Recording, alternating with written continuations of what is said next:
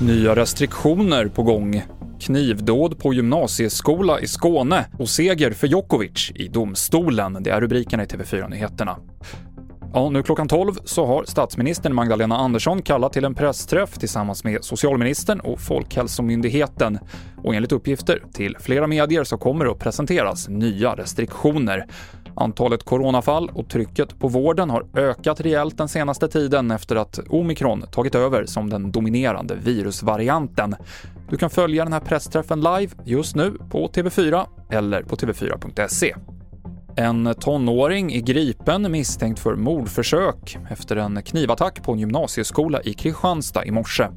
Elever säger till Kristianstadsbladet att den misstänkte gick till attack mot elever och lärare inne i ett klassrum. Region Skåne uppger att en tonårspojke blev allvarligt skadad och att en man i 55-årsåldern har lindriga skador.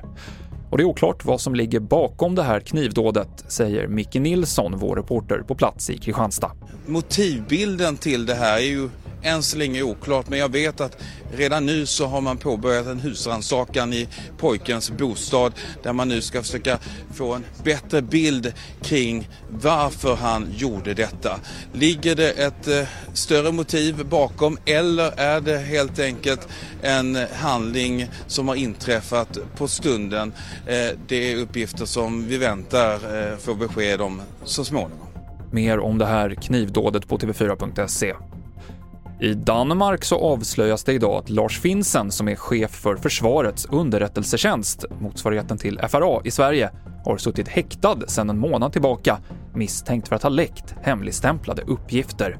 Enligt Danmarks Radio så är det till medier som de här läckorna har skett och den danska säkerhetspolisen har under en längre tid undersökt fallet och man ska bland annat ha avlyssnat Finsens telefon. Och världsettan i tennis, Novak Djokovic, får stanna i Australien efter att en domstol nu beslutat att han ska få tillbaka sitt visum och han får därmed rätt att resa in i landet. Men visumet kan komma att dras in på nytt, så det är fortfarande oklart om Djokovic kommer medverka i Australian Open. Turneringen börjar om en vecka. Fler nyheter finns i appen TV4 Nyheterna. I studion Mikael Klintevall.